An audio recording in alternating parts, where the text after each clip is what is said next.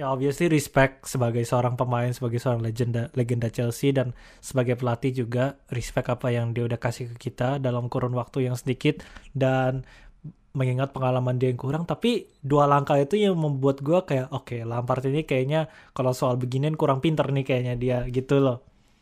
Ya, Lampard tuh terlalu cepat jadi pelatih Chelsea kalau menurut gue ya dan lu mikir Lampard itu dua musim satu setengah musim dia dipecat ya kan? Sekarang Chelsea di sini.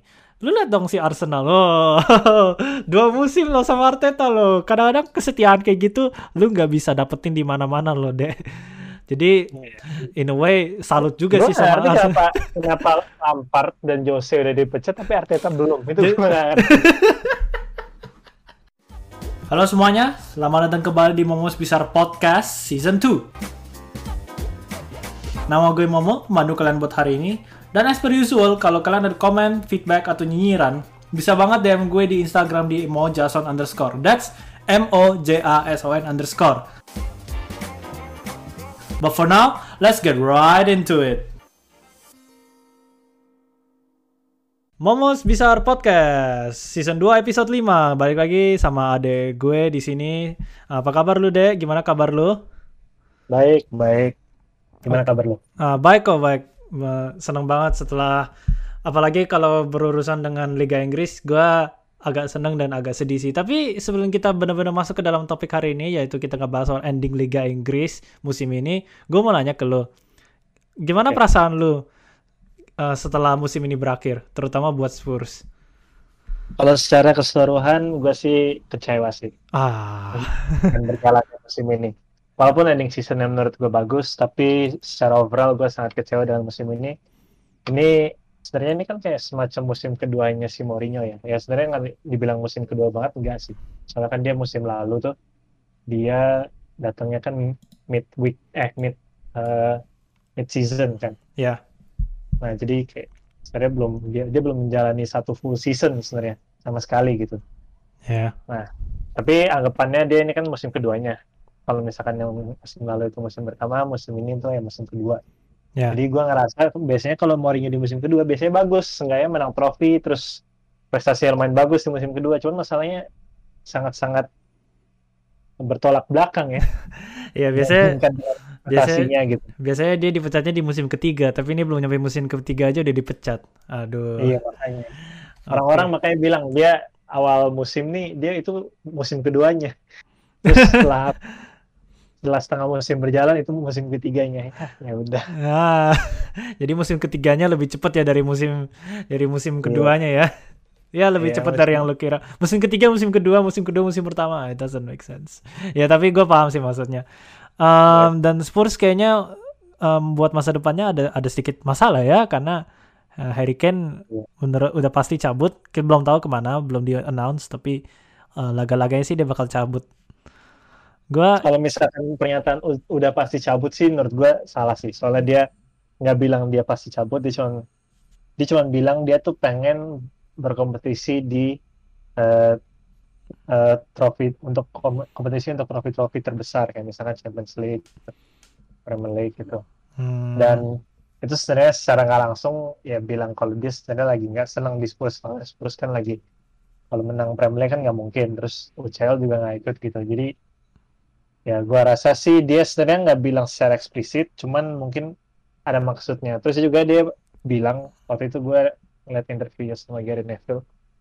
Dia oh, bilang iya. kalau dia bilang kalau dia bakal dia nggak bilang dia bakal ngomong dia bakal cabut cuman dia bilang dia, dia bakal uh, ngomong secara apa ya secara langsung dengan Daniel Levy atau chairman Tottenham. Ngomong secara jujur gitu loh. Hmm. an, honest conversation with Daniel Levy gitu dia bilangnya jadi dia pengen tahu sebenarnya Spurs ini mau dibawa ke mana sih sama Daniel Levy gitu hmm. kalau misalnya nggak sejalan dengan pemikirannya si Ken ya gue rasa sih dia bakal cabut gitu hmm oke okay, oke okay. ya gue yakin gue yakin dia pasti pingin juara lah. Maksudnya dia pingin at least dapat satu trofi kayak. Lu lihat gak sih statsnya dia most assist, golden boot sama playmaker of the season dan dia nggak dapat piala sama sekali. Itu uh, menurut kata orang itu kriminal dan gue setuju sih it is, itu kriminal sih menurut gue jadi yeah. sebenarnya mestinya dia dapat trofi tapi menurut gue Spurs emang ya nggak bagus buat dia maksudnya not good enough for him gitu loh dan yeah.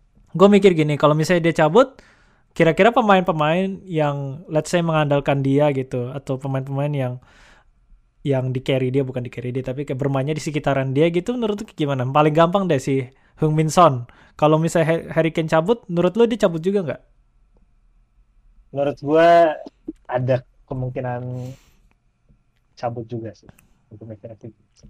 Hmm. Soalnya gue nganggapnya kayaknya kan sebagai apa ya pivot dari tim kan dia sebagai aset paling berharga dari tim ya kalau misalkan tim si Spurs ini aja kagak bisa ngejaga aset paling berharganya ya yang lain gimana gitu mau dibawa ke mana yang gitu hmm, jadi yeah.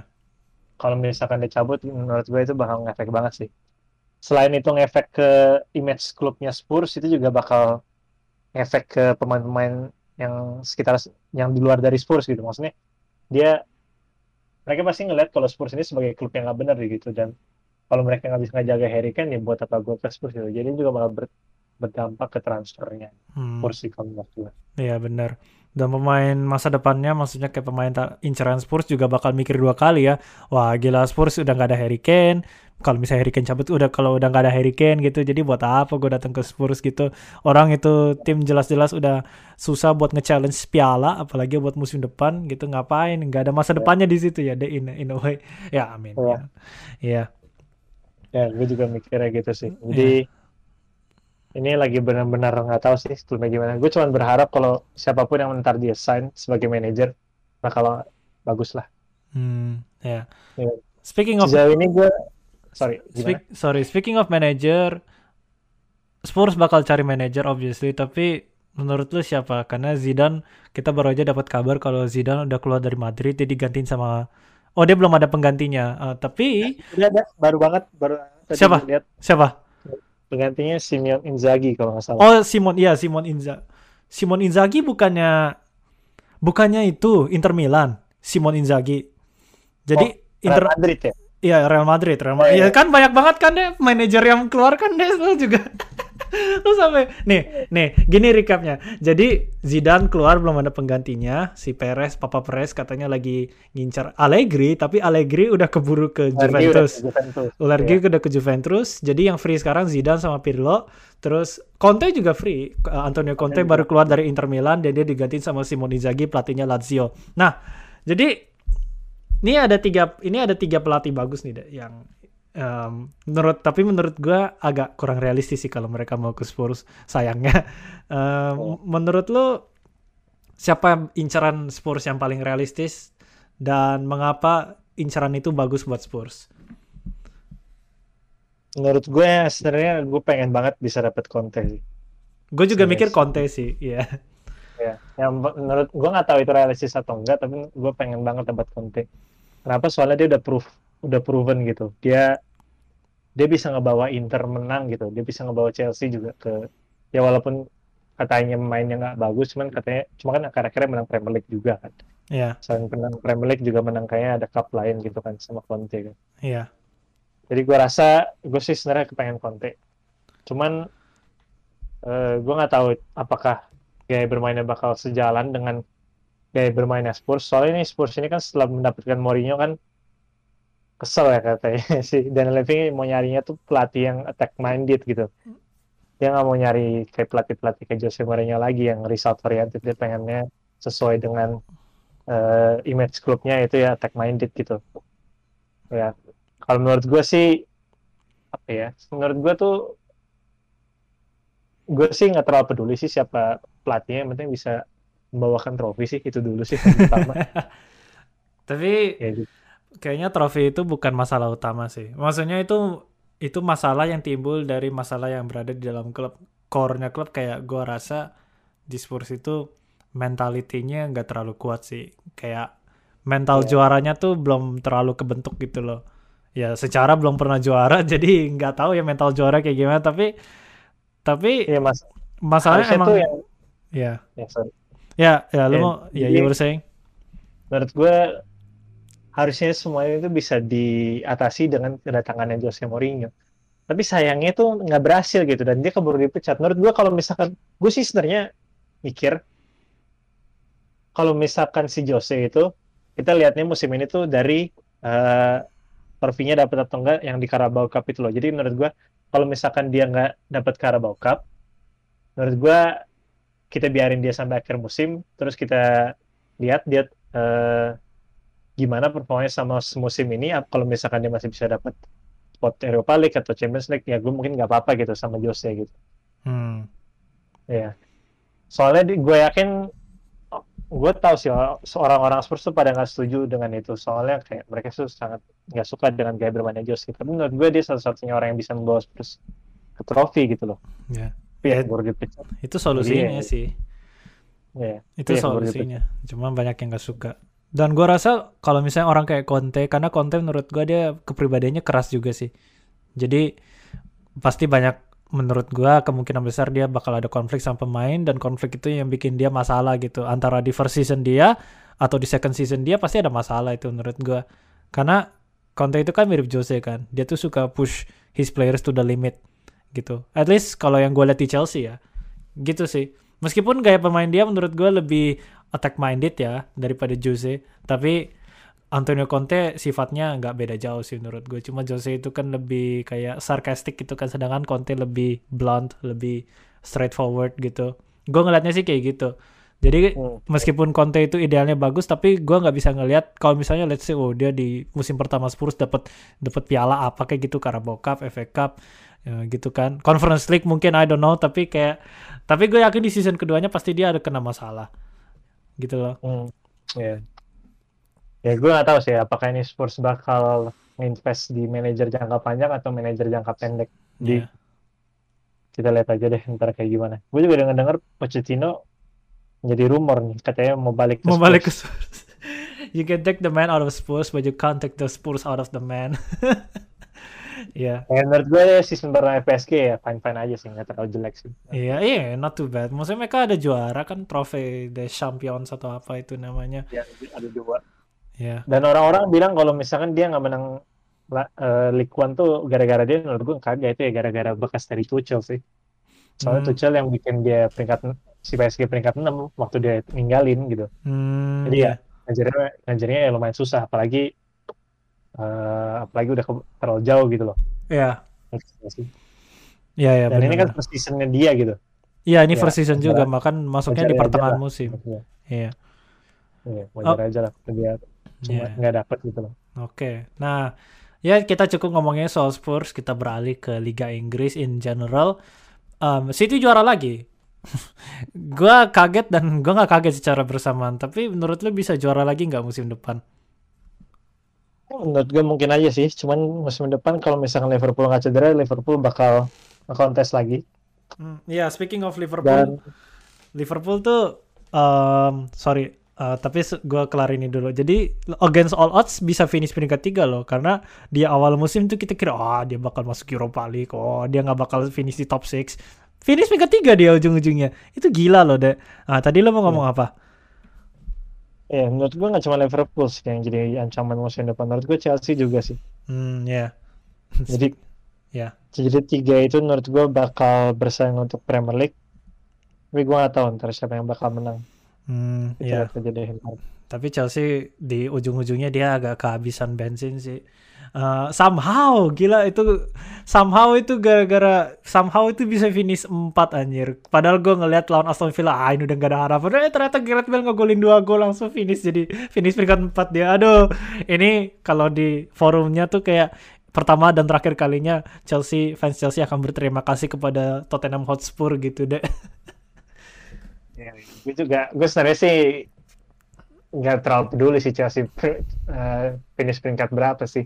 Gue cuma peduli gue harus menang mau kayak match itu. Jadi ya, ya anggaplah itu gue anggaplah Spurs melakukan itu tanpa apa ya, tanpa meminta imbal balik lah ya anggap aja itu sebagai anugerah lah gitu loh. Padahal padahal sebelumnya padahal kalau lo ingat di musim 15-16 itu Spurs itu kan dizolimi sama Chelsea deh. Kalau misalnya nggak seri lawan Spurs itu kan Leicester nggak bakal juara deh dan Spurs bisa masih bisa iya, makanya. masih bisa bersaing buat nomor satu tapi gara-gara seri lawan Chelsea jadinya nggak jadi jadinya Leicester langsung juara.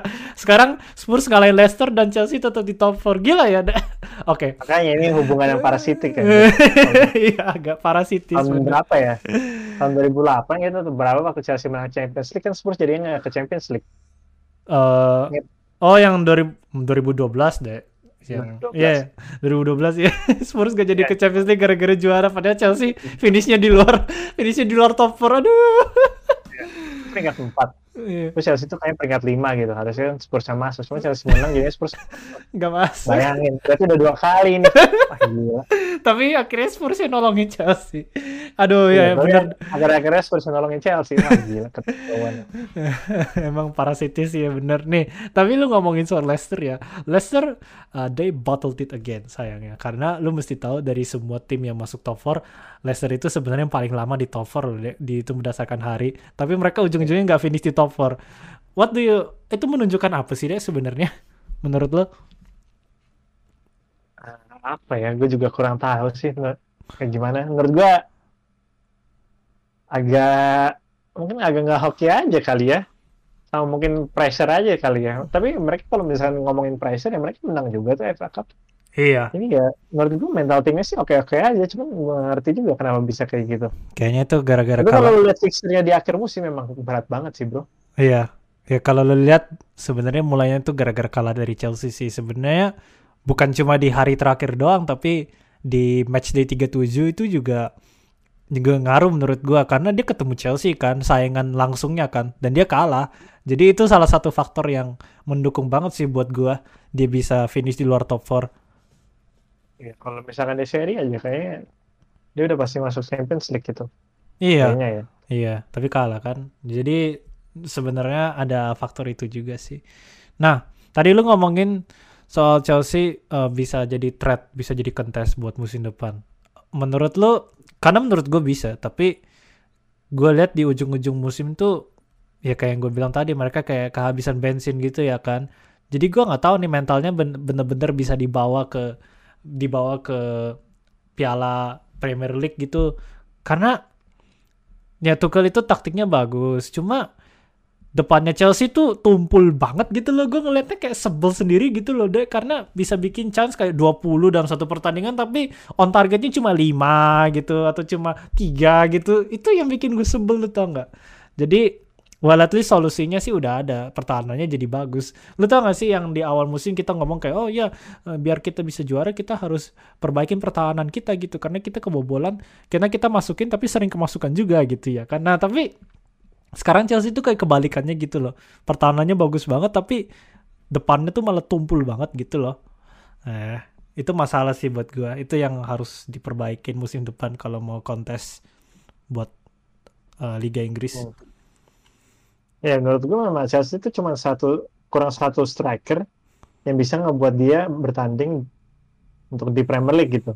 Yeah. Untuk menjuari Premier League. Kalau misalkan dia bisa menemukan striker yang bagus, ya dia harusnya sih bisa untuk bersaing dengan Man City dan Liverpool. Soalnya yeah. menurut gue sistemnya itu bagus gitu. Iya. Yeah. Ya mungkin sama beberapa midfield kali, mungkin kayak Jori Jori Gino gitu, itu kayaknya kurang ya. Jorginho tuh sebenarnya bagus cuma dia inkonsisten banget deh. Kemarin tuh pas lawan Madrid dia bagus tapi pas lawan Aston Villa kemarin dia bau banget deh. Dia dia parah banget mainnya. Um, terus ya namanya juga fans bola kan reaksioner banget kan begitu pertandingan selesai, oh, jangan start dia di final UCL, oh, beban dia apa gitu. Tapi ya permasalahannya sih itu dia inkonsisten aja sih. Kalau oh. dia inkonsisten aja sih gitu ya gue juga gue kok masih nggak tahu sih Chelsea kurangnya apa. Tapi gue yakin kalau misalkan dia bisa menemukan striker yang bagus ya harusnya sih dia bisa bersaing gitu. Musim panas ini menurut gue target yang yeah. sangat bagus tuh Lukaku sih. Karena Lukaku udah nggak ada insentif buat di Inter karena Antonio Conte udah cabut jadi dia bisa ditilap sama Chelsea gitu. Ya tapi taktiknya harus bagus karena Lukaku kalau taktiknya nggak mendukung dia ya kayak dia pas dia di MU gitu loh deh kalau lo ingat. Jadi jadi ya itu Timo Werner itu kan dia struggle karena nggak ada striker di sebelah dia yang bisa jadi target man gitu kan. Nggak ada yang jadi kayak um, yang punya physical presence gitu ya kan. Olivier Giroud nggak um, bisa gitu. Jadi Lukaku sih menurut gue bisa ngebantu dia sih gitu. Iya iya benar. Benar yeah. gue juga setuju sih. Dan gue yeah. kalau bisa dapet Lukaku pasti Timo Werner bisa jalan gitu. Iya ya semoga aja dia bisa jalan karena lalu lu, lu sendiri sih yang bilang ke gua kan Timo Werner tuh sebenarnya positioningnya sama pace-nya tuh bagus banget cuma kurang finishingnya aja. Mm, iya benar. Ah dasar Timo Werner. Oke okay. uh, eh, jadi Leicester menurut lu nggak hoki? Liverpool ya tadi tadi kita sebelum sempat ngomongin soal Liverpool gue tadi singgung dikit.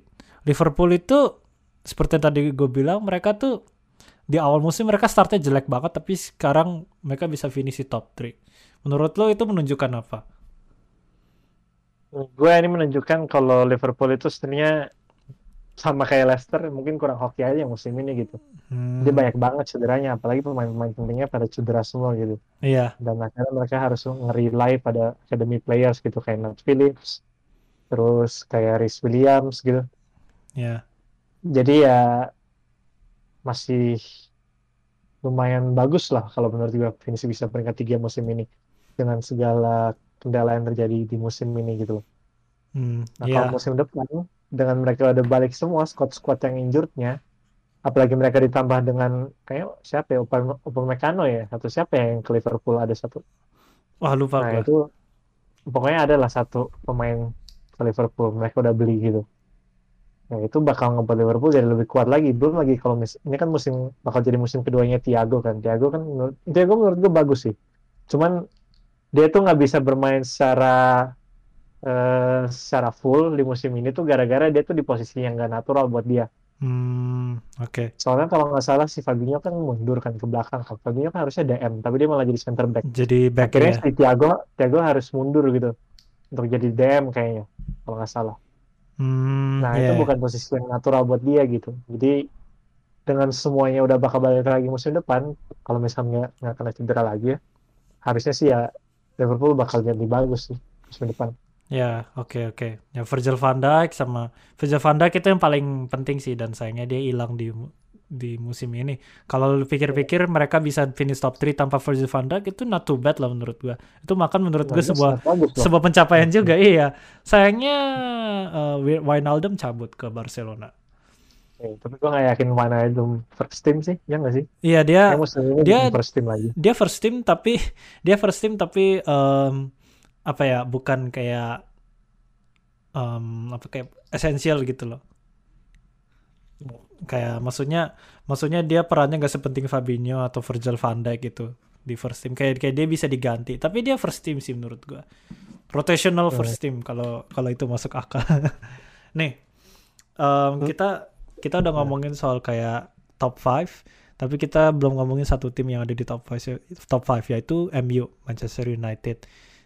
Menurut gua MU itu tim telat panas sih. Di pertandingan sama di musim menurut gue mereka agak telat panas sih gitu. Bagus sih maksudnya not that that's not a bad thing tapi itu yang mau gue point out gitu loh. Karena di awal musim mereka jelek banget lo inget yang 6-1 itu. Terus terus di sering banget selama musim ini mereka pertandingan itu plus halftime itu mereka ketinggalan 1-0 tapi 1-0 2-0 tapi begitu masuk ke babak kedua itu langsung gacor gitu ya. Kan lo inget pas mereka lawan Roma. Jadi mentalitinya ya kayak gitu gitu loh. Si MU itu. Menurut lu gimana? Menurut gue sih kayak gitu. Ya gue juga punya pemikiran yang sama sih. Cuman ya ya kayak yang lo bilang not necessarily a bad thing. Cuman ya mungkin kita bisa lihat aja sih akhirnya di final UEL iya. karena mereka nggak terlalu gacor dari awal kayaknya. Iya. Intinya mereka ya nggak bisa ngejar gitu.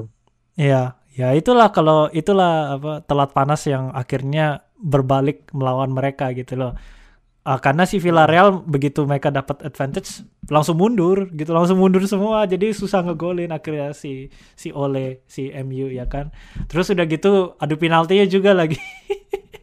De Gea tuh kayaknya orang paling sial di MU pada hari itu deh ya dia nggak bisa nyelamatin satu pun giliran giliran gilirannya dia gitu. Malah iya. nggak ya. masuk Gila. kasian sih. Menurut gue cuman penalti itu nggak bisa apa ya, itu terhoki-hokian sih. Gue nggak bisa nganggap itu sebagai DG performa jelek. Ya memang nggak hoki aja gitu. Iya. Emang kalau misalkan DG masukin gitu dan makanya kita lagi nggak bakal ngomongin kalau DG buat salah gitu loh. Kita iya iya. siapa pun siapa pun yang nggak masukin yang buat salah gitu kayak misal, misal Fernandes gitu Bruno Fernandes gitu nggak masukin wah udah semua orang ngehujat dia iya so karena dia kerjanya ngambil penalti doang ya enggak enggak juga iya. sih tapi dia kan emang sering banget ngambil penalti iya bener sih dia kata iya. lo dan orang masih ngehujat dia dan menurut gua agak nggak adil sih kalau misalkan uh, penalti itu sebagai indikator kalau seorang itu bermain jelek di well, itu. menurut gue it just so happens kayak dia dia itu yang dia jadi kiper dan dia nggak nyelamatin satupun dan pas giliran dia itu kayak kebetulan aja sih dia menurut gua. Emang menurut gua kalau penalti udah melebihi 8 gol itu tuh udah soal hoki-hokian banget karena udah nggak ada taktik lagi di situ menurut gua. Menurut hmm. gue ya karena penalti itu kan idealnya 5-5 kan. Kalau misalnya melebihi 5 itu udah itu udah udah gak ada taktik lagi di situ. Karena jangankan jangankan sampai ke penalti. Biasanya kalau pelatih itu itu mereka mikirnya 90 menit terus mereka aduh extra time yaudah mikir lagi ditambah 30 menit. Penalti tuh biasanya udah bener-bener hoki-hokian sih bener kata lu deh kayak si Ole sama si Emery gue yakin udah nggak mikir taktik lagi kalau udah masuk ke adu penalti apalagi kalau penaltinya udah melebihi 10 deh itu mah udah itu mah udah bener-bener coin toss menurut gue iya gue juga ngerasa gitu. Yeah. jadi ya a little bit unjustified kalau misalnya kita bilang Liga itu yang bikin Man United kalah. Ya, ya mungkin bisa dibilang tapi at the same time bukan bener-bener salah dia sih. Itu lebih ke salah timnya kenapa lu pada nggak ngegolin di dalam waktu 120 menit itu gitu loh. Iya, padahal ya. selama 120 menit itu harusnya MU itu yang eh, MU itu yang bisa menang gitu loh. Bukan MU itu nggak kena pressure gitu loh kalau menurut gua. Maksudnya mereka tuh punya ball position yang bagus, mereka juga serangan-serangannya itu bagus, cuma final ball sama final decisionnya itu jelek banget kalau menurut gue. Iya. Yeah. Ya kan? Iya. Menurut gue sih gitu bukan salah De Gea sih. Wah, lebih tepatnya bukan salah De Gea doang gitu, bukan dia yang yeah. harus disalahin. Salah biasa. satu tim. Ya salah satu tim. Biasa, biasa. Orang kan pasti kan nyari scapegoat. Gue yakin kalau kalau Chelsea kalau Chelsea nanti di final kalah pasti ada aja satu orang yang disalahin sama disalahin sama forum pendukung Chelsea itu. Nggak Jorginho nggak Jor sorry nggak Jorginho nggak Kovacic nggak siapa lagi tuh. Nggak Thiago Silva nggak Ben Chilwell nggak Pulisic nggak Werner. Ah, udah pasti pasti ada aja orang yang jadi kambing hitam di situ deh gue yakin. Iya pasti sih. Ya biasa orang kan butuh kambing hitam. Oke okay. hmm. nah kembali lagi ke satu berita yang kita dapetin dari Manchester City si Aguero Aguero cabut. Uh, menurut lo dia kan bakal ke Barca. Menurut lo dia bakal subur gak di sana? Eh, nggak uh, tahu sih kalau misalkan bakal subur atau enggak. Tapi kelihatannya sih bakal sih kalau kita misalkan lihat Suarez gitu Suarez walaupun dipindahkan Atletico dia masih subur Cavani Cavani walaupun pindah ke dia masih subur jadi gue rasa kalau misalkan world class striker kayak kayak nama-nama itu tadi menurut gue kalau ke mana pun mereka pindah mereka pasti masih subur gitu. Hmm ya. Menurut gue sih satu faktor yang bakal ngebantu banget dia kan ke Barca. Iya di Barca ada Messi dan mereka berdua tuh sahabat banget. Mereka kan besties. Yeah. jadi chemistry-nya udah ada at least. Tinggal taktiknya aja sih. Semoga sih Kuman memanfaatin dia karena chemistry-nya tuh udah ada antara mereka berdua gitu loh. Nah iya. Yeah jadi ya, menurut gue good move sih cuman ya Barca sebenarnya agak agak bodoh sih ngapain dia lepasin Suarez kalau misalkan dia akhirnya mau beli Aguero Ya, Suarez tapi terlalu Masalahnya ngelepasin Suarez itu bagus. Yang menurut gua gak bi yang menurut gua nggak masuk akal tuh ngelepasin Suarez ke rivalnya mereka dengan harga yang murah banget cuma 7 juta deh, 7 juta euro. Itu menurut gua gak bisa diakal loh menurut gua langkah itu. Ya itu itu memang nggak benar sih kalau gue. Yeah. Itu disrespected sih kalau gue. Iya itu disgrace sih. Buat Suarez yeah. dan buat Barkanya juga. Ya untunglah yeah. yang bertanggung jawab untuk keputusan itu udah cabut. udah ditangkap yeah. dia.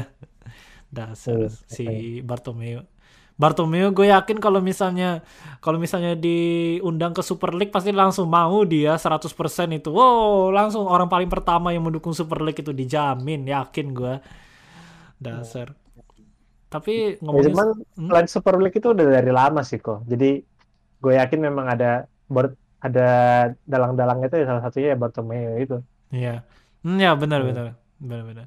Udah lama banget sih itu. Maksudnya gue pertama kali dengar soal Super League sekitaran tahun lalu sih. Tahun lalu gue udah dengar-dengar kabarnya soal Super League dan gue kayak aduh ini kayaknya terlalu terlalu nggak realistis nih masa kayak gini. Eh ternyata kejadian dong. Untung aja nggak jadi. Emang kekuatan hmm. fans itu gila-gilaan sih. Tidak boleh iya, diremehkan. Hmm. Hmm. Oke. Okay.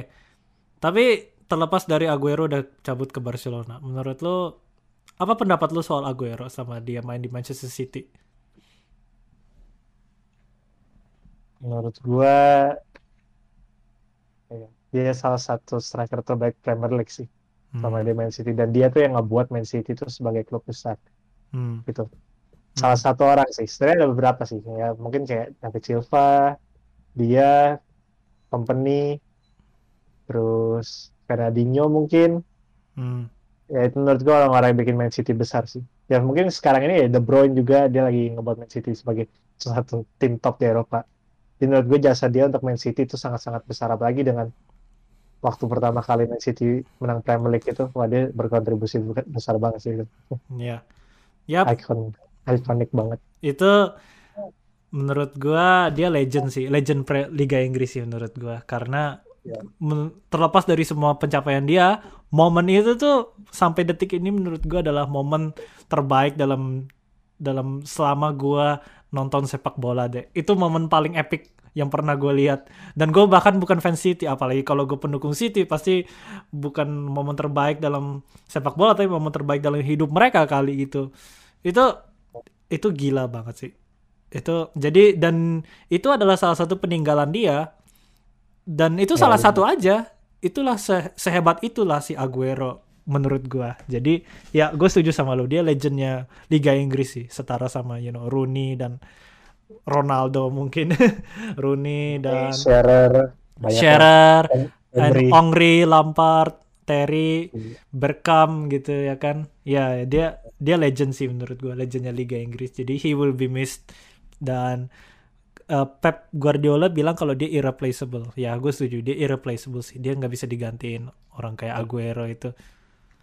Oh, ya, ya semoga Man City bisa bukan menggantikan, bukan menemukan pengganti, tapi bisa cope dengan ketiadaannya Aguero karena dia tuh emang irreplaceable. Dia nggak bisa digantiin. Ya, well.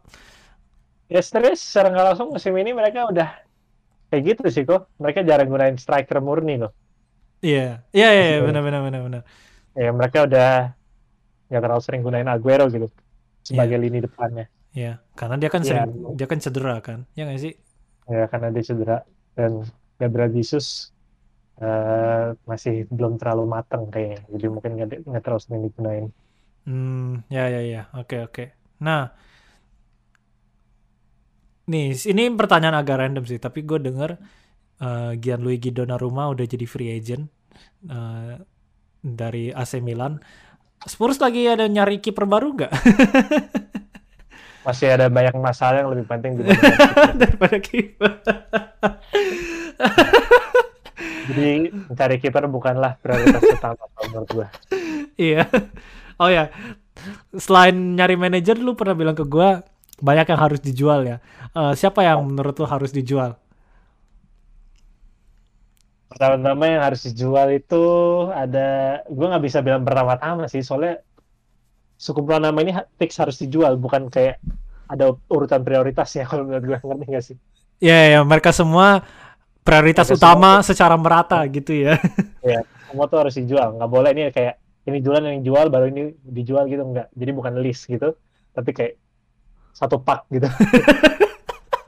Satu pak pemain ini harus dijual semua satu pak pokoknya harus sekali hajar langsung hilang semua ya ada cuci gudang ya deh ya lu sering bilang itu sih ke gue ada yang sisa ya oke oke oke siapa siapa siapa pertama mungkin kayak Davison Sanchez yeah. harus keluar kalau menurut gue dia yeah. udah berapa tahun di Tottenham dan dia nggak menunjukkan perkembangan yeah. terus Dyer juga walaupun dia dia sangat suka sangat senang sangat uh, sangat bahagia di Tottenham tapi menurut gue dia kalau kita mau misalkan bertanding di kompetisi terbesar itu bukan orang yang membawakan kita untuk bertanding di kompetisi itu jadi yeah. harus dijual juga yeah. Dyer, Sanchez, terus di tengah ada Wings, Harry Wings. Harry Wings, oke. Okay. Walaupun dia adalah pemain akademi Tottenham, tapi menurut gue dia bukan kualitas, dia kualitasnya kurang gitu loh. Hmm, Dia oke. sering dia sering ngendalin passingnya sebagai salah satu ability-nya dia, tapi masih banyak yang lebih bagus passingnya dibandingkan dia gitu. Ya, Hmm. Harry Wings. Oke. Terus gue juga pengen jual Dele Alli sih kalau menurut gue. Dele Alli. Dele Alli. Soalnya menurut gue, gue nggak tahu sih antara jual atau loan. Pokoknya dia jangan di sini dulu gitu. Soalnya dia nih lagi apa ya, lagi nggak bener gitu loh tingkah lakunya. Nah, dari Dia- dari dulu kan. Gue yakin dia kayaknya salah satu orang yang yang performanya turun eh, setelah Jose Mourinho datang gitu loh. Hmm. Dan menurut gue dia juga salah satu orang yang bikin Puts keluar gitu. Soalnya dia mainnya jelek banget di masa-masa akhirnya Spurs gitu. Eh di masa-masa ya di masa-masa akhirnya Spurs si Pochettino. Jadi dia lagi jelek banget dan kadang-kadang doang dia muncul dan dia melihat dia work rate-nya jelek banget, dia sering komplain. Dia kalau misalkan bola yang hilang gitu, lost possession gitu, dia sering kayak kelihatan komplain gitu. Nggak sih? Iya, kayak iya. dia kelihatan di pitch dia komplain kalau bolanya hilang gitu loh maksudnya kayak dia angkat tangan kayak atau apa kayak terus dia jalan gitu kayak jadi gua rasa dia attitude-nya nggak benar sih jadi gue pengen jual Dele Alli dan dia juga masih lumayan muda jadi mungkin kita bisa dapat sekitar mungkin 30 40 mil Hmm, dari dia Oke, itu kan lumayan oke. terus eh, siapa lagi ya Eh, mungkin kayak Lamela gitu dia juga gue jual soalnya dia udah lama di Yang- Spurs dan Jangan ya salah Anda. Jangan salah Anda. Apa? Pemenang calon pemenang Puskas loh itu. benar sih Iya calon pemenang Tapi cuma itu Cuman- doang. Tapi cuma itu doang sih. ya kontribusinya di Spurs ya kurang sih menurut gue dan gue rasa dia udah gak cukup lama di Spurs mungkin time to move on gitu. Oke. nah terus eh, siapa lagi ya? Eh backnya salah satunya sih Aurier. Sebenarnya gue masih suka sama Aurier cuman gue rasa back kita tuh kurang gitu back kanan kita. Masih si Aurier tuh maksudnya walaupun dia lumayan bagus musim ini tapi gue rasa dia masih seorang liability gitu loh di tim Hmm. Lo soalnya dia lo nggak mau jual itu. inconsistent Lo nggak mau Berarti- jual itu. Nah, ya gue gue mau gue mau ngomongin itu gua tuh. bakal bakal kasih dia satu musim lagi menurut gue musim pertama itu musim yang apa ya yang yang kita nggak bisa langsung menilai gitu gue selalu memberikan orang kesempatan kedua gitu soalnya musim pertama itu bisa aja karena nggak sesuai dengan sistemnya nggak sesuai dengan teman-temannya mungkin memang nggak oke aja ya kayak Timo Werner aja gitu emang gue bakal jual Timo Werner Kagak. No. Well, Agak kan kayak, Kagak, tapi maksudnya Doher karena Timo Werner punya sesuatu selain finishing dia, dia punya pace, dia punya positioning, dia bisa kasih assist, kontribusi gol dia bagus.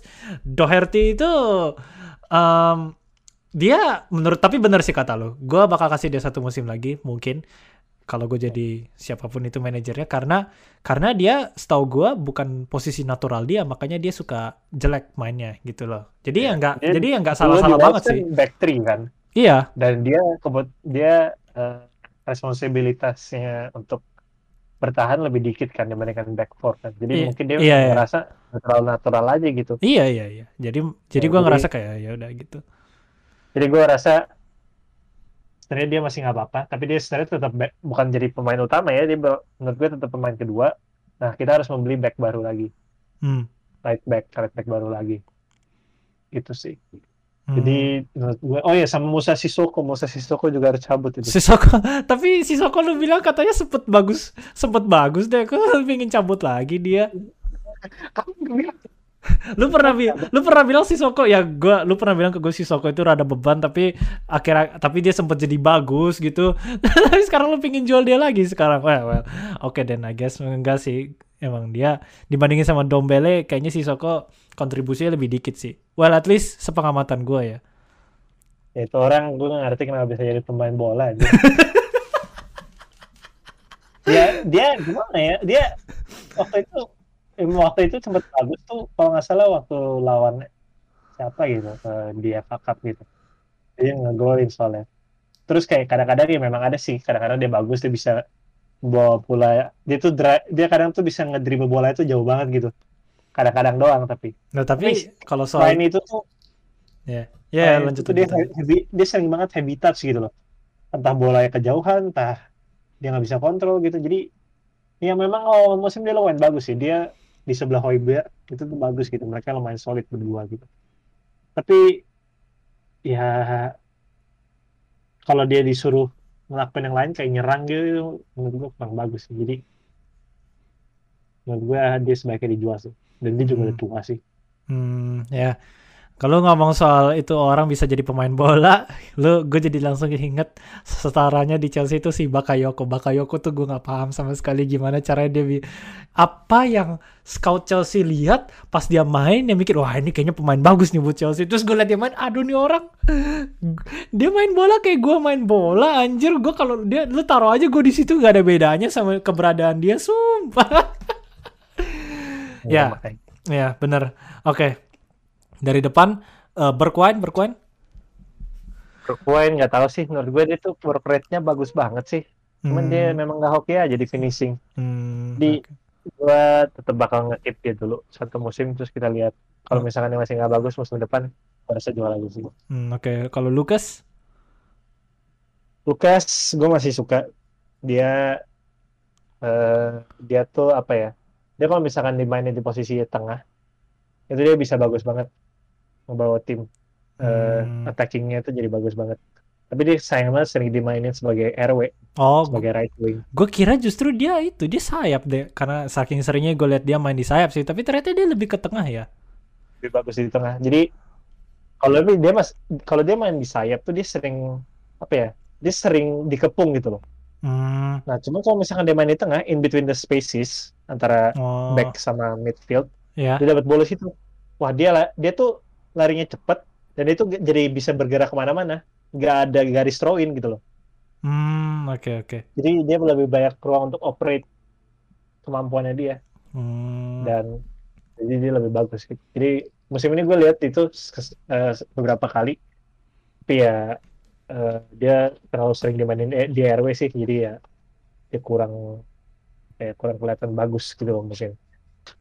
Jadi sayang banget. Tapi kalau misalnya dia dimainin di tengah wah gila dia bagus banget kayaknya hmm oke oke oke kalau misalnya oke okay, itu itu dari Spurs ya kalau kalau misalnya nih dalam skemanya dari semua pemain itu ada satu aja dari mereka yang nggak kejual gitu. Lu pingin mereka semua dijual atau kayak um, ya lu bilang tadi nggak ada prioritas ya. Tapi kok misalnya ada satu aja dari mereka yang nggak kejual gitu. Menurut lu gimana?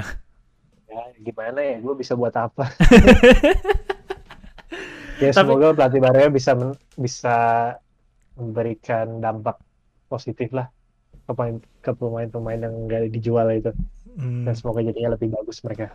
Ya Spurs itu bisa berharap itu sih. Spurs itu emang rada pelit ya dek. Maksudnya pelit dalam hal kayak beli pemain agak susah tapi jual pemain juga lebih susah lagi. Yeah ya gitulah dari Levy hmm, iya emang keuangannya terlalu bagus pak menurut gue sih hmm. kalau kalau lu ngomongin soal Spurs gue ngomongin soal Chelsea ya Chelsea hmm. menurut gue nggak ada yang harus dijual karena nggak ada yang harus banget dijual karena yang nggak dijual bisa jadi backup. Menurut gue sih yang harus banget di, menurut gue bukan yang harus ya, tapi yang boleh banget dijual itu tuh si Emerson karena karena you know dia dia jarang main dan dia dia juga apa ya gak dia dia susah juga jadi pelapis gitu. Jadi pelapis aja susah apalagi kalau jadi first team gitu ya kan? Jadi dia boleh dijual. Mungkin ada yang bilang Tammy Tammy menurut gue jangan dijual. Karena mungkin tujuh tahun lagi dia bakal main di Liverpool dan pasti main di Liverpool itu dia bakal benci banget sama kita dan akhirnya dia bakal sering ngegolin sama kita. Gue nggak mau itu terjadi deh. Jadi jadi time itu menurut gue jangan dijual meskipun dia nggak meskipun dia nggak ada posisi tapi tapi gue nggak mau dia dijual deh. Terus gini, yang menurut gue mestinya gak dijual tapi dijual tuh ada dua si Tomori, Tomori belum dijual sih dia di loan ke AC Milan tapi bau-baunya dia bakal dijual nih sama si Tarik Lamti itu itu gue nggak paham sama sekali deh kenapa itu dua bisa dilepas dari Chelsea deh apalagi si Lamti karena Lamti itu dia main sekali doang dan dia mainnya bagus tapi dijual sama Lampard. Gue nggak ngerti deh itu I mean dua langkah itu yang bikin gua kayak mempertanyakan Lampard sih ini orang ini orang mikirnya apa sih gitu loh. Hmm, ya benar. Ya apa kayak kayak ya obviously respect sebagai seorang pemain sebagai seorang legenda legenda Chelsea dan sebagai pelatih juga respect apa yang dia udah kasih ke kita dalam kurun waktu yang sedikit dan mengingat pengalaman dia yang kurang. Tapi dua langkah itu yang membuat gue kayak oke okay, Lampard ini kayaknya kalau soal beginian kurang pinter nih kayaknya dia gitu loh. Ya, Lampard tuh terlalu cepat jadi pelatih Chelsea kalau gue ya.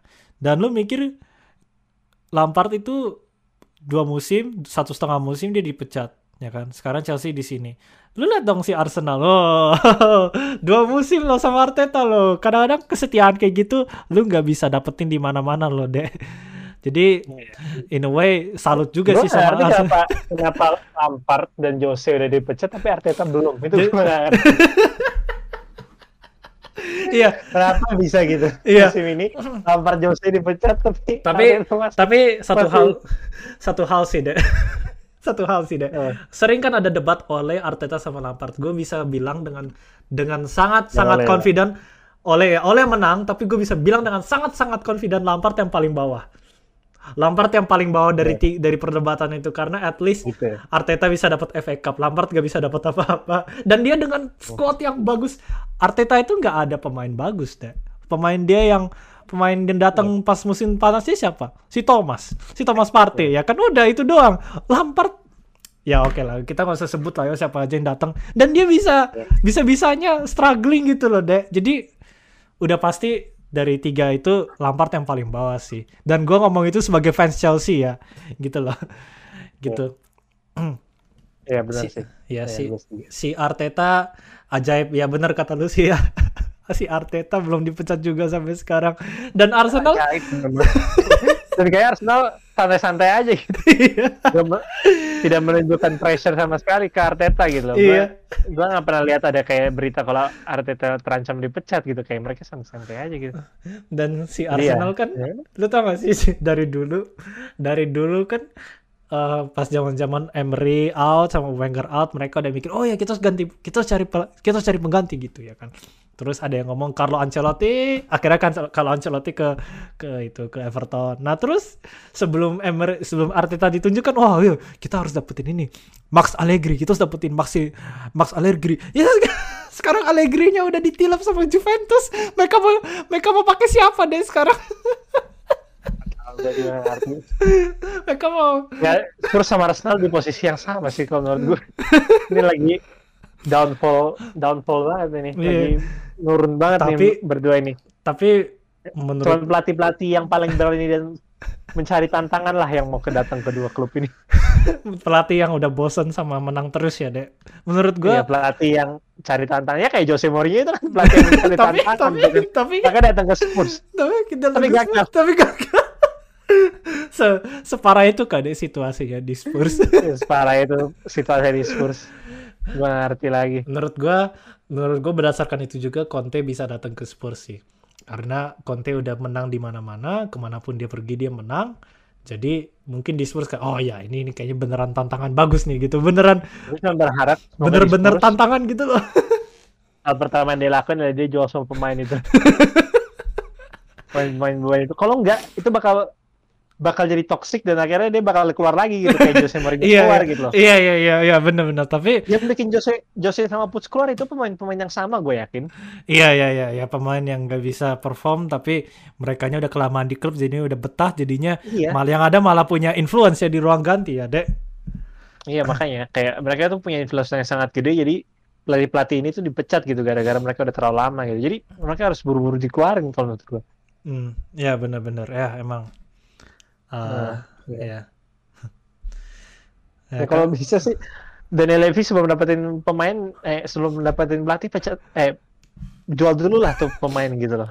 Mana tahu dia deh. I mean Daniel Levy don't get me wrong. Daniel Levy kalau soal tahu bola sih nggak separah Stan Kroenke atau The Glazers atau John We John Henry ya. Tapi mana tahu dia deh. Dia itu pemain bagus atau jelek deh. ya sebagai fans kan kita bisa ngelihat kan. Gue sebagai fans saja tahu yang mana yang jelek gitu. Apa? Ya maksudnya dia kan jadi, in, jadi ya coba dipertimbangkan lah Daniel Levy main-main itu tolonglah dikeluarin gitu. sebelum pelatih baru datang. Mungkin kalau pemain itu dikeluarin pelatihnya jadi pada datang lagi. iya sih. Pemain dikeluarin ada duit, pelatih datang pelatih baru datang bisa belanja kan pemain yang dia mau kan buat timnya. Kalau lu pikir-pikir si pelatih harus nge lagi semua siapa yang harus dijual, siapa yang enggak gitu. Udah iya. langsung jual aja sekarang terus kayak simpen simpen yang bagus-bagus kayak Kenson gitu. Hoybier gitu. Iya, Hoybier. WRL gitu. Itu simpen yeah. aja semua itu. Yang jelek-jelek dijual semua itu. terus lu dapat banyak fun. Iya, terus lu dapat banyak duit lu bisa beli pemain. Iya sih. Ah, tapi gak segampang itu sih dia. Iya, Maksudnya ya, buat kita itu. buat kita fans, buat pelatih, buat yang punya tim mah mereka mana tahu soal begituan. Gua nggak expect mereka buat bener-bener ngerti soal begituan. Gitu hmm. sih. Yeah. Ya, oke. Oke. Jenny Wijnaldum bakal ke Barcelona. Dia hmm, menurut okay. lo bisa turn up gak di Barcelona? Gue sih nggak terlalu peduli sih tuh pianes, tapi kayak karena apa ya, yang apa yang Barca lihat di Jenny Wijnaldum gitu loh. Gratis. gratis oh iya.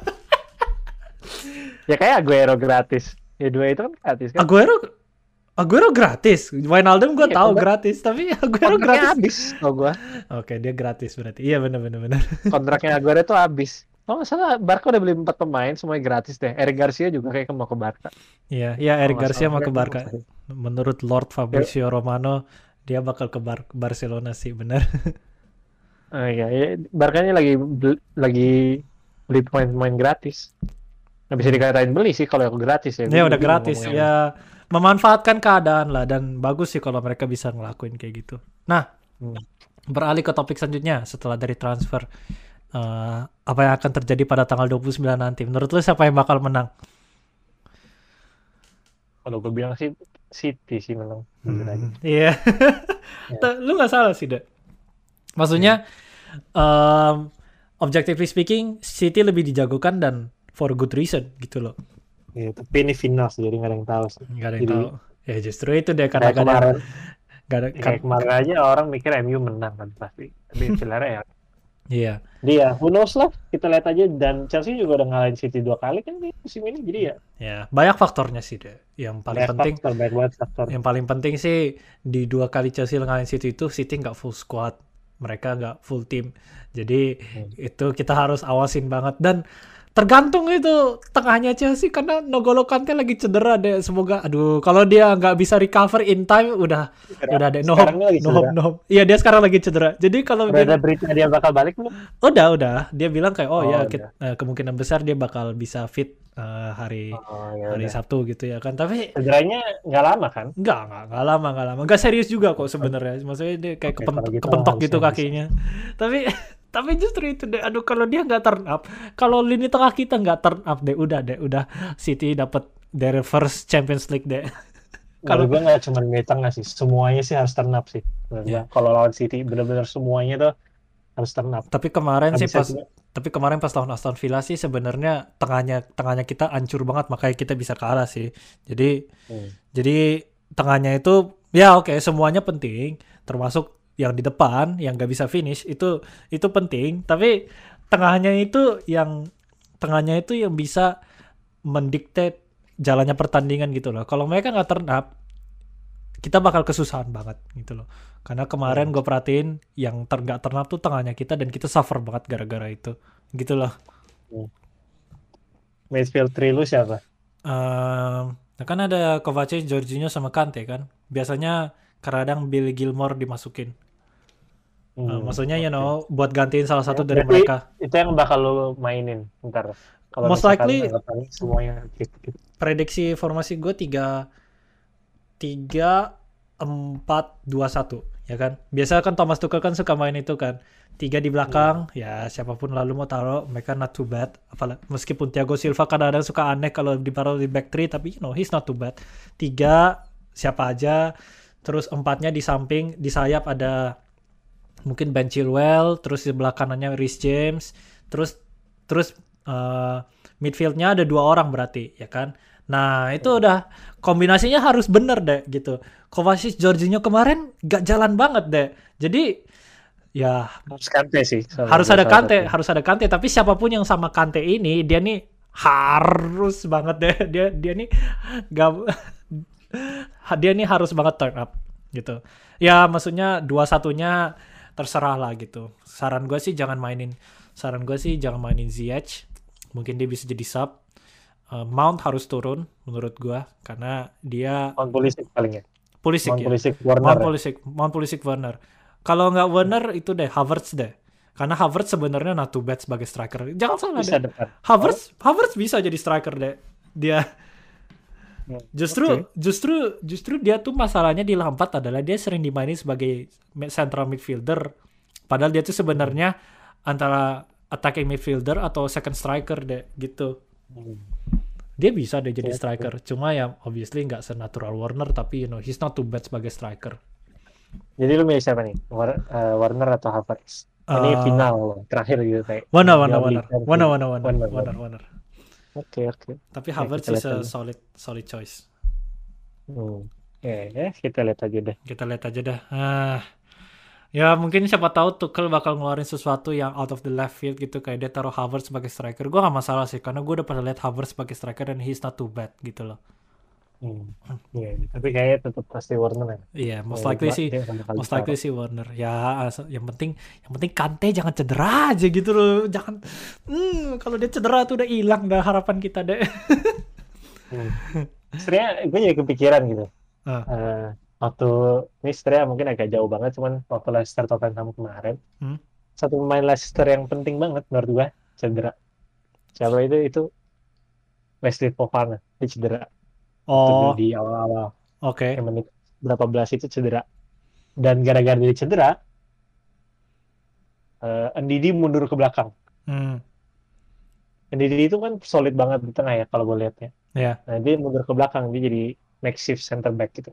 Hmm, Dan hmm, gara-gara itu kita jadi bisa lebih enak beroperasi di tengahnya. hmm. Gara-gara itu jadinya menang gitu. Jadi gue juga gue ho- main hoki sih bisa menang lawan Leicester gitu. Iya. Dia ya beruntung juga lah menang lawan Leicester akhirnya bisa masuk Conference League. Oh ya, speaking of which, Ya, ya. Conference League. Gue baru aja mau ngebahas itu Conference League. Musim depan Conference League buat Spurs, stadium-stadiumnya mantep bener deh. Ada yang, lu tau gak sih ada stadiumnya yang dilewatin kereta api gitu kan. Terus ada yang stadium di belakangnya langsung bandara gitu kan. Gimana deh perasaannya jadi tim Inggris pertama yang mengikuti UEFA Conference League deh. jadi gue nggak tahu apakah harus seneng gara-gara gue dapet peringkat tujuh atau enggak gitu. Soalnya gue gue lihat, waduh ini kalau gue kan list lawan lawannya siapa-siapa aja dan susah-susah semua namanya. Jadi Namanya aja udah susah ya. iya makanya. Jadi gue nggak tahu apakah gue harus senang atau enggak. Soalnya itu kan juga bakal nguras energi kan untuk bertanding gitu. Mereka juga walaupun mereka mungkin istilahnya secara kualitas nggak sebagus Spurs gitu. Ya. Tapi kan tetap lo harus tandingin, harus jalanin selama 90 menit gitu. Pertandingannya lo harus jalan selama 90 menit. Dan itu ya bakal bikin capek gitu. Dan Menurut, kalau misalkan nggak seworth it itu ya buat apa gitu.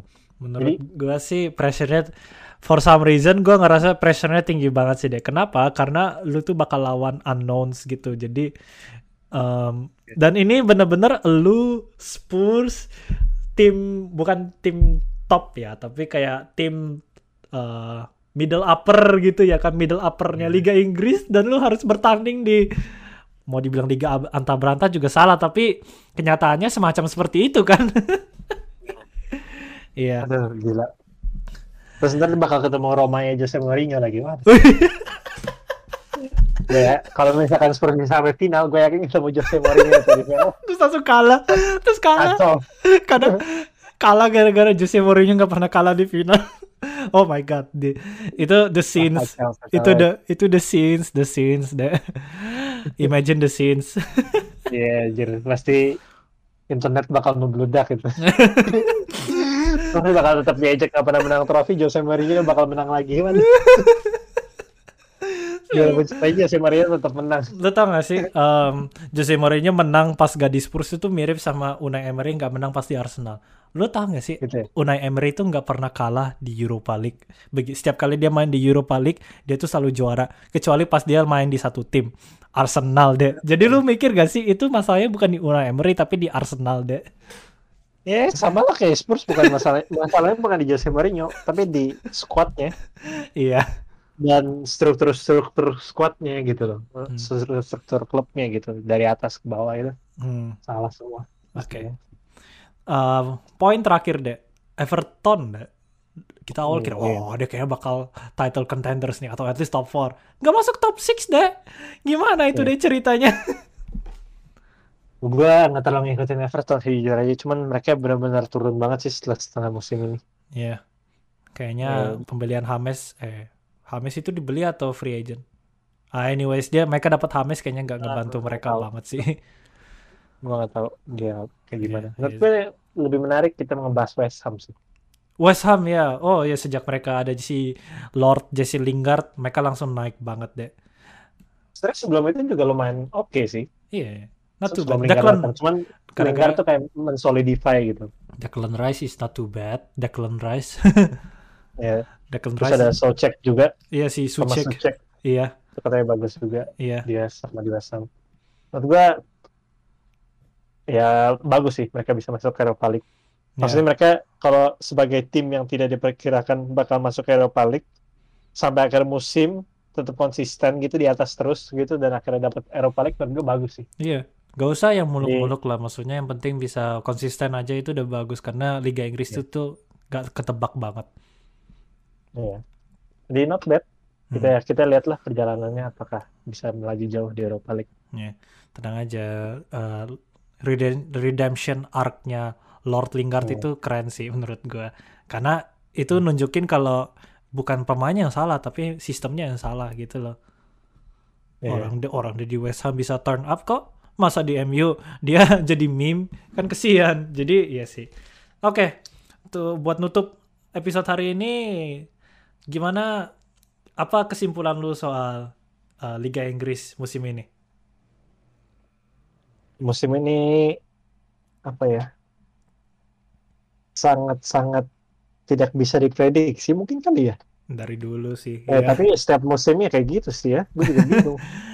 Tapi ya Premier League mah tetap Premier League lah. Mereka kompetisinya sangat ketat dan nggak nggak bisa ngeprediksi apa yang bakal terjadi di musim hmm. apa yang bakal terjadi di match berikutnya gitu. Yang menarik sih Segala menurut gua. bisa terjadi. Menurut siapa yang nyangka kalau misalkan MU bakal kalah 6-1 gitu hmm. atau Liverpool bakal kalah 7-2 gitu. Iya iya iya, iya. atau City setelah musim di awal-awal jelek dia bakal tetap juara gitu. Iya. Atau Liverpool di awal-awal jelek bisa finish top 3 atau Leicester iya. yang satu musim di top 4 terus iya atau MU juga sama kan MU juga iya awalnya juga gitu tapi akhirnya finish peringkat 2 atau Leicester yang satu musim di peringkat 4 terus akhirnya mereka finishnya 5 ah atau iya, Chelsea yang atau Chelsea yang sempet turun ke mid table akhirnya bisa finish top 4 setelah mecat pelatih bisa mereka. Tottenham juga awal musim title contenders ya deh. Awal contender orang, orang udah pada happy. Setengah musim Jose dipecat. Aduh. Aduh. Nggak ngerti lah. Ya nah, itulah Premier League makanya sih. Uh, obviously ini terlalu early, tapi apa prediksi lu buat musim depan? Di Premier League? Ya gue kalau misalkan bisa dapat Liga Eropa Harry Kane kagak cabut terus gue udah oke okay sih gue gak mau terlalu banyak berharap dulu deh untuk musim depan masih soalnya terlalu banyak masalah di Tottenham yang bisa ngebuat mereka ada di Champions League musim depan menurut gue oke oke oke oke oke deh di kalau bisa oh ya kalau bisa dapat trofi spot Liga Eropa Harry Kane gak cabut, gue udah oke. Okay. Nah, ya yang penting Harry Kane, iya Harry Kane gak cabut aja. Ah, gue lagi nggak cabut tuh udah bagus banget. Dan, tapi kalau misalkan dia cabut, gue nggak bakal bisa protes. Iya karena bener-bener udah bayar semua uh, utangnya dia gitu. Dia udah paid its due, paid, paid his dues gitu. Iya, dia iya, udah iya. bener-bener sangat berkontribusi banget buat klub ini dan gue nggak bisa nyalain dia kalau dia mau cari trofei yang lebih gede. Dia overachieve. Dia, sangat, dia overachieve. Ya, dia sangat, sangat overachieve sebagai pemain, tapi sebagai klub kita nggak bisa memberikan dia apa-apa gitu. Iya. Iya iya. Gue ya. berharap dia tetap di Premier League. Gue gue sebenarnya nggak terlalu peduli sih dia di mana. Hmm. Ya, ya mungkin antara City atau MU atau mungkin Chelsea juga. Gue sebenarnya sangat aja. Yang penting dia Premier League dan akhirnya bisa dia bisa ngalahin rekor uh, top goal scorer Premier League. Oh. Ya, oh ya oke oke oke. Iya. Ya, gue cuma pengen lihat dia bisa ngalahin itu aja sih. Lu, dia, lu gak masalah kalau misalnya dia pindah ke Arsenal atau ke Chelsea gitu deh sebagai... Arsenal sih gak, mungkin, gak mungkin masalah dia pindah ke Arsenal. Iya sih, gak mungkin. Tapi Chelsea, Chelsea, West Ham gitu. Lu gak masalah kalau dia pindah ke situ? West Ham juga enggak sih. Dia dia kan pasti nyari tim-tim yang paling top kan. Ya. Yeah. Kalau misalkan ke Chelsea, gue gue gak tahu bakal bisa atau enggak. Soalnya setahu gue Chelsea sama Spurs itu kayaknya ada ada apa ya ada punya pernah punya pengalaman transfer yang jelek dan akhirnya mereka nggak pernah mau berdiskusi lagi. Hmm. kalau gue dengar dengar kayak gitu. Hmm. kalau misalkan dia ke Chelsea ya gue jujur nggak masalah gitu. Ya mau gimana lagi gitu ya. Mau gimana lagi gitu. Hmm, ya yang dah. penting dia tetap di Premier League aja menurut gue. Jangan keluar gitu. Hmm. soalnya dia menurut gue on track untuk bisa mengalahkan rekor top goal scorer gitu. Dan kalau misalkan dia bisa dia kan dia bakal jadi salah satu Premier League legend gitu loh Hmm. gua. Oke oke. Oke Dede. Ya? oke. Jadi kesimpulannya semoga Harry Kane gak cabut ya. Nah itu dah. Ya, semoga gak cabut. Ya let's leave it at that. Oke deh, uh, makasih banyak sudah meluangkan waktu buat datang ke podcast singkat gue. Wah satu jam sih, tidak terasa sudah satu jam empat menit sudah terlewati. Gua ngomong-ngomong sama adek gua mengenai finishnya Premier League. Kita berdua berharap tim-tim kita yang kita dukung, gua Chelsea dan uh, adek gue Spurs bisa finish gue berharap bisa juara dan ada berharap bisa masuk Europa League. Yap, makasih banyak deh udah meluangkan waktu buat uh, datang yeah. ke podcast gue. Uh, seneng banget, seneng banget bisa ngomong-ngomong sama lu. Seneng banget bisa ngomong-ngomong sama lu dan semoga lu jangan capek-capek ya kalau diundang datang ke podcast gue ya.